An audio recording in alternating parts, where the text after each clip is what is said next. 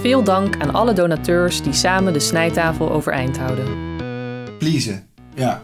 Zonder jullie zouden we moeten stoppen of weer onder een baas werken. Oh ja, daar, heb ik ook, daar ben ik helemaal gek van. Wil jij ook doneren? Ga naar desnijtafel.nl. Degenen die de verhalen van een cultuur vertellen, zei de mediawetenschapper George Gerbner eens, beheersen het menselijk gedrag. Vandaag vervolgen wij onze bespreking van De meeste mensen deugen door Rutger Bregman. Oké, dan gaan we nu naar hoofdstuk 2. Hoofdstuk 2. De echte Lord of the Flies. Hij opent daar met... Toen ik begon te schrijven aan dit boek, besefte ik dat ik om één verhaal niet heen kon.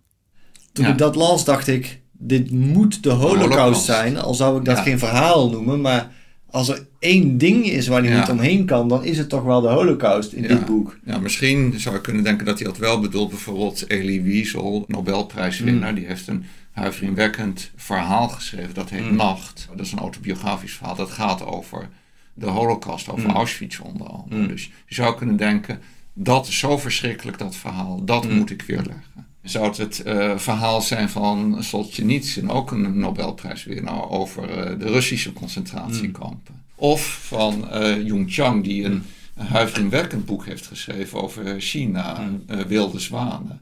Waarin staat wat er in de 20e eeuw al is gebeurd in China. Dat zal je toch wel ergens moeten weerleggen. Die, die verschrikkingen, die miljoenen zinloze doden, al het sadisme, ook het geweld wat daar heeft plaatsgevonden. Maar wat bedoelt hij dan? Lord of the Flies van William Golding. Maar wacht even, meneer Bregman, dat is fictie. Dus dat hoeft u niet te weerleggen.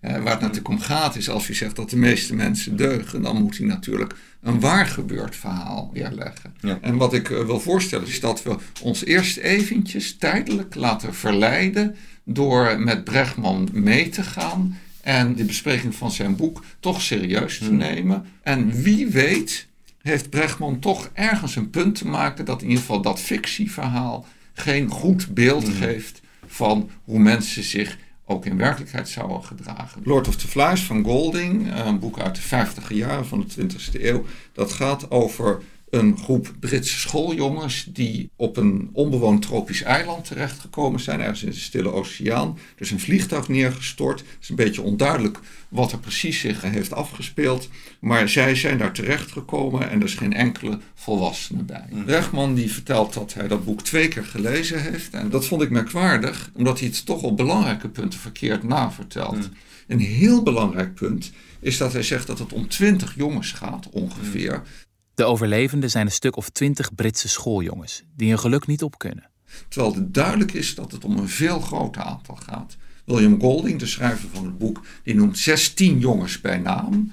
En die laat weten dat er een hele grote groep veel kleinere is. Eh, zo groot dat Piggy, een van de met name genoemde jongens, niet in staat is ze allemaal te tellen en er een lijst van op te stellen. Het is een groep van zeker nog tientallen anderen. De hele groep bestaat uit minstens 40, misschien wel 50 jongeren. Het is ook helemaal niet waar dat die groep jongens hun lol niet op kunnen. De kleintjes die hebben nachtmerries. Al gauw is alles problematisch en is er veel eh, discussie en is er eigenlijk nauwelijks lol. Alleen in het allereerste begin. Ze kiezen een leider, Ralph. Al op de eerste dag voeren de jongens een soort democratie in. Een van hen, Ralph, wordt verkozen tot leider. Hij is de Golden Boy, de John F. Kennedy van het stel. Atletisch, charismatisch, aantrekkelijk. Zijn actieplan bestaat uit drie punten. 1. Lol trappen. 2. Overleven. 3. Rook maken voor passerende schepen. Alleen punt 1 wordt een succes. De meeste jongens blijken liever te spelen en te schranzen dan op het vuur te letten. Jack, een potige jongen met rood haar, jaagt het liefst op varkens. Wat ook absoluut niet zo is, is dat die Jack het liefst op varkens jaagt. Ik kom daar zo direct op terug. En daardoor krijg je eigenlijk een ruzie tussen Ralph en Jack. En dat escaleert helemaal. Er komen twee partijen. Eh, eigenlijk een hele grote partij van Jack. Die ruzie die ontaart helemaal in zoiets ergs dat er ook doden vallen. En dat de kinderen zich beestachtig gaan gedragen. En uiteindelijk worden ze gered. Er komt een Brits schip voorbij. Maar een laagje vernis is helemaal verdwenen. En ze hebben zich van de slechte kant laten zien. Eerst wil ik gaan uh, vertellen wat uh, Bregman hier nou tegen inbrengt. Die zegt, ja, dit is fictie, maar zou het nou echt zo gaan? Hmm. Als je nou echt uh, kinderen, als die op een onbewoond eiland terechtkomen zonder volwassenen, gaat er dan een enorme ruzie komen, gaan ze zich beestachtig gedragen. Nou, Bregman doet uitgebreid onderzoek, gaat hij allemaal helemaal gedetailleerd vertellen hoe die eerst hier terecht kwam en daar Hmm. toen op die site. Nou, uiteindelijk, yes, heeft het gevonden. Wat is er gebeurd? Een keer in de zestiger jaren, toen zijn er zes kinderen geweest die zelf op het eiland Tonga woonden, een groot eiland in de Stille Zuidzee. En die met een boot er vandoor gingen en een tocht maakten die eigenlijk mislukte. En die toen terecht kwamen op een onbewoond eiland. En die zes kinderen, wat hebben die gedaan? Helemaal niet elkaar de hersens inslaan. Maar die hebben vreedzaam daar een jaar doorgebracht. En die zijn een jaar later ontdekt en gered. Hmm. Uh, nou, zo gaat het in werkelijkheid. Dit is de echte Lord of the Flies. En wat blijkt? Het is een hartverwarmend verhaal. Aldus Bregman. Nou, wat valt hier tegen in te brengen? Het volgende, dat de groep waar uh, Bregman zo triomfantelijk naar verwijst, zodanig anders is samengesteld en in zodanig andere omstandigheden verkeert, mm. dat het helemaal niets zegt over zo'n Golding-achtige situatie. Zes jongens samen is iets heel anders dan 40 of 50. Daarbij moet bovendien aangetekend worden dat um, die groep van 40, 50 jongens bij Golding, dat waren kinderen die elkaar allemaal helemaal niet kenden. En uh, dat was een, ook een heel heterogene groep. Van, en daar waren kleuters bij, kennelijk, van iets van vijf jaar oud. De oudste waren twaalf. Mm. Binnen die groep was er ook weer een subgroepje. Dat bestond uit de leden van een kinderkoortje. Die kenden elkaar wel. Dus daar had je al een leidertje en volgelingen. De chemie in zo'n heterogene groep is natuurlijk veel explosiever en ingewikkelder en potentieel conflictueuzer Mhm. dan in een homogene groep van zes kinderen. Maar zijn dat ook kinderen? Nou, eigenlijk kan je nauwelijks zeggen. Brechtman gebruikt alsmaar het woord kinderen. Die beweert dat het ging om uh, een groep van 13 tot 16 jaar oud.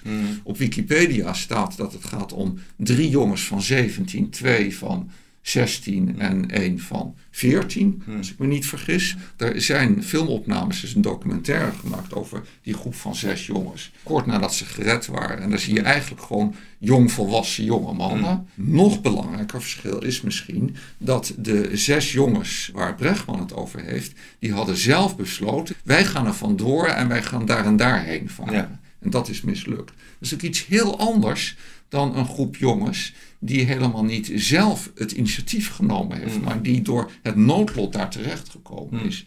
Een heel belangrijk verschil, waar Brechtman het niet over heeft, is dat die zes jongens, dat waren eilandbewoners. Die woonden hun hele leven al op een tropisch eiland in de Stille Zuidzee. Ja. En die zijn nu een paar honderd kilometer verder op een eiland terechtgekomen. Die Ja. waren letterlijk veel minder ontheemd dan een stel Britse schoolkinderen. wat ergens aan het andere eind van de wereld op een onbewoond eiland terechtkomt. Het eiland waar die zes jongens van Brechtman terechtgekomen zijn, dat is vroeger bewoond geweest.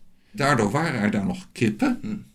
En konden ze inderdaad kippen houden en ook kippen slachten. En konden ze moestuin aanleggen. Terwijl bij dat eiland van William Golding, daar is eigenlijk niks te eten. Daar is alleen wat tropisch fruit waar die kinderen allemaal diarree van krijgen. Dus dat is Mm. oneetbaar. De enige uitzondering is dat daar kleine wilde varkentjes rondlopen. Ze zijn daardoor gedwongen die wilde varkentjes te gaan vangen en Mm. slachten. Ze hebben alleen een, een zakmes. Mm. En die Jack, die jongen die voor ons Brechtman het liefste op varkens jaagt, Mm. dat is degene die vindt dat ze die varkens moeten vangen, want ze moeten eten. Daar heeft hij Mm. helemaal gelijk in. Ze moeten wel, ze zijn daartoe Mm. gedwongen.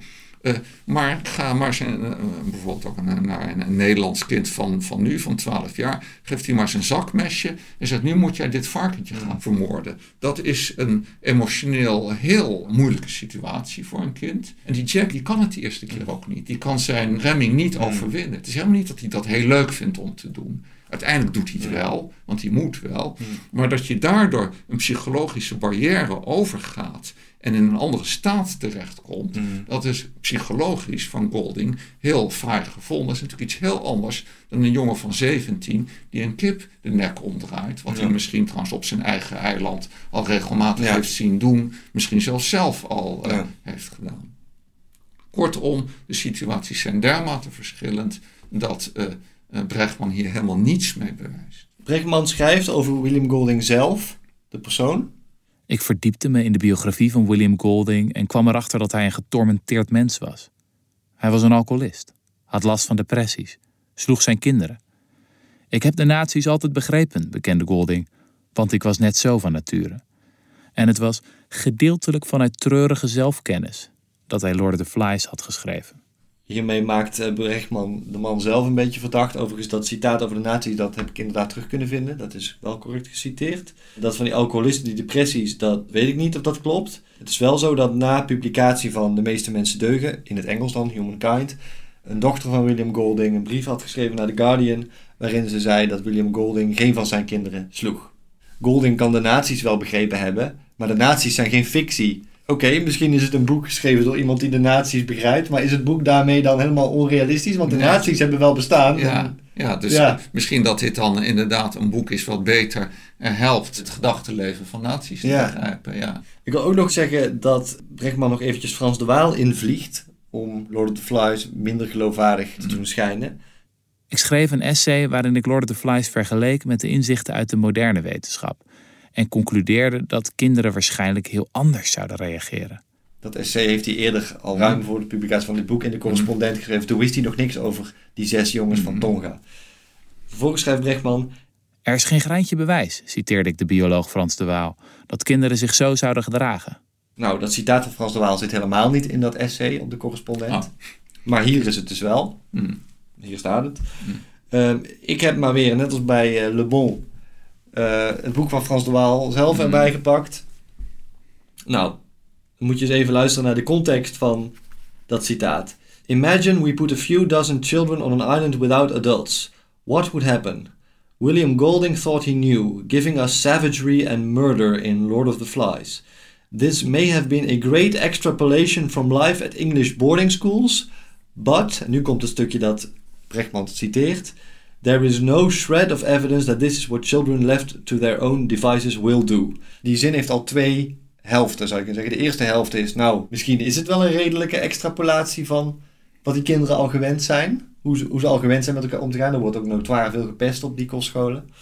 En dan zegt hij, er is geen bewijs dat kinderen dit echt zouden doen. En uit de rest van die alinea maak ik op dat hij dat heel droog bedoelt. Dus we weten het niet. Hij We zegt, weten het niet. When four to five year old children are left alone in a room, they tend to negotiate with each other by means of moral terminology, such as that's not fair or why don't you give her some of your toys. Nou, dit is niet in tegenspraak met Lord of the Flies. Dit zijn ook dingen die in het begin van Lord of the Flies gebeuren. Ja. No one knows what children would do if left alone for a much longer time, but they would definitely form a dominance hierarchy. Dus hier zegt hij, Aha. we weten niet wat er zou Ja. gebeuren, maar één ding is zeker, dominance hierarchy. Ja. Ik vind het misleidend dat Brechtman, als hij dan de Waal wil citeren, dit niet meeneemt. Dominance hierarchy, dat is ook wat er in Lord of the Flies gebeurt. Hij gaat een heel eind mee met Golding, zou ik zeggen. Want vervolgens zegt hij zelfs nog... Young animals, whether goslings or puppies, quickly battle it out to establish a pecking order, and children do the same. Hmm. I remember the pale faces of psychology students. Ik zie nu Brechtman voor me met een, met een bleek gezicht. Steeped in academic egalitarianism, upset at seeing young children beat up on each other on the first day of preschool. We are a hierarchical primate, and however much we try to camouflage it, it comes out early in life. Oef. Er wordt meteen een hiërarchie gecreëerd en dat kan gepaard gaan met geweld. Beating up on each other. Eh, vind je het goed dat we dan nu even kijken naar de werkelijkheid? Eh, laten we eens even kijken naar eh schipbreuken. Even eentje tussendoor, die is misschien niet helemaal relevant, omdat die schipbreuk niet heeft geleid tot overleven op een onbewoond eiland. Eh, maar een geruchtmakende schipbreuk is die van de Méduse. Een Frans schip wat in het begin van de 19e eeuw, 1816 of zo, vergaan is. En waarbij een paar honderd overlevenden waren, maar er niet genoeg reddingsmateriaal was. En een deel kon in een sloep, eh, in een hele grote sloep of een paar sloepen. Eh, en meer dan honderd mensen die eh, moesten zich zien te redden met een vlot. En dat vlot dat werd met een touw vastgebonden aan een van die sloepen. En die zouden dan proberen naar hun kust te roeien. Maar na een tijdje vonden de mensen in die sloep dat te vermoeiend. En wat hebben ze gedaan? Ze hebben het touw doorgesneden, zodat het vlot met die honderd andere drenkelingen, dat dobberde op de oceaan. Dat is een gruwelijke toestand geworden, met onderlinge enorme conflicten. En uiteindelijk is er ook cannibalisme geweest, eh, want mensen moesten zich in leven houden. En toen ze gered werden, toen waren er van de meer dan 100 opvarenden tussen de 10 en de 20 nog in leven. Dit kan je mooi zien op een beroemd schilderij van Géricault, wat in het Louvre hangt het aangrijpende moment waarop de overlevende drenkelingen zien dat er een reddingsschip is. Interessanter, relevanter is, we kunnen weer dicht bij huis blijven, de vaderlandse geschiedenis, de Batavia. Ja. Het schip waarvan een replica te zien is op de Bataviawerf in Lelystad.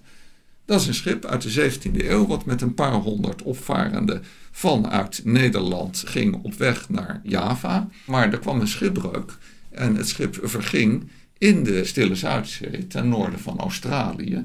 En de opvarenden, die wisten zich grotendeels, een paar honderd, die wisten zich te redden op een onbewoond eiland. Nou, wat is daar gebeurd? Daar is een tweedeling gekomen en een totaal schrikbewind. Eén iemand heeft daar de macht gegrepen, heeft een aantal handlangers heeft hij daar om zich heen aangesteld. En bijna de helft van die mensen op dat eiland is door de andere helft uitgemoord. Nou, meneer Bregman, misschien kunt u eens wat opbeurende woorden wijden aan het uh, al dan niet deugen van de mens in relatie tot dit drenkelingenverhaal. Ja. Dan ga ik richting het einde van hoofdstuk 2, waar hij zijn conclusies gaat trekken. Hij zegt nou, Lord of the Flies is niet de echte Lord of the Flies. Maar reality TV heeft Lord of the Flies aangegrepen voor televisieprogramma's waarin mensen tegen elkaar op worden gezet. En dan kun je zeggen van ja, hè, Lord of the Flies is maar een verhaal en die tv dat is maar tv. Dus wat is hier nou eigenlijk de schade van? van stel dat dat verhaal niet realistisch is, wat is, de, wat is het probleem? Nou, dat is het volgende. Hij komt terug op zijn nocebo. Maar verhalen zijn zelden zomaar verhalen. Vaak werken ze als nocebo's. Uit recent onderzoek van de psycholoog Brian Gibson blijkt dat het kijken van Lord of the Flies-achtige televisie mensen agressiever kan maken. Het verband tussen kinderen die gewelddadige beelden zien en agressie in het latere leven is sterker dan de link tussen asbest en kanker of tussen calciuminname en botmassa. Dat tweede dat hij zegt, dus over dat verband tussen die gewelddadige beelden en geweld in het latere leven, dat haalt hij uit een boek van Robert Sapolsky, het boek Behave, The Biology of Humans at Our Best and Worst. Dat is weer een staaltje slordig en misleidend citeren. Sapolsky die zegt inderdaad dit, dus citaat is op zich correct, maar meteen daarna plaatst hij twee enorme kanttekeningen. Hij zegt, ik citeer even het boek, Two caveats. A. There is no evidence that catastrophically violent individuals, e.g. mass shooters, are that way because of childhood exposure to violent media. B. Exposure does not remotely guarantee increased aggression. Instead, effects are strongest on kids already prone toward violence. Aha. For them, exposure desensitizes and normalizes their own aggression.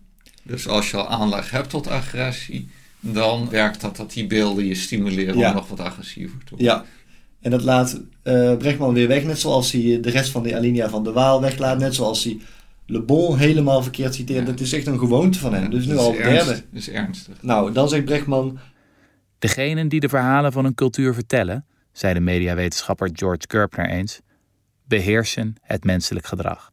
Gerbner hier, nou, hij wordt aangehaald als een autoriteit. Ik ben het hier vrijwel mee eens. Maar het belangrijkste vind ik dat Brechtman op dit punt in het boek heel duidelijk de richting kiest. De mate van deugen wordt bepaald door wat je denkt, waar je van overtuigd bent, welke verhalen je gelooft. Ja, nou dat is heel fijn dat Bregman en jij het hier eens zijn. Dus ik ben het, ja, ik ben het eigenlijk is, eens. eh, een, een, een uniek moment eigenlijk Ja. in deze bespreking. We zullen zien of eh, jullie het ook met elkaar Ja. eens blijven. Ja, ik hoop dat hij dit volhoudt.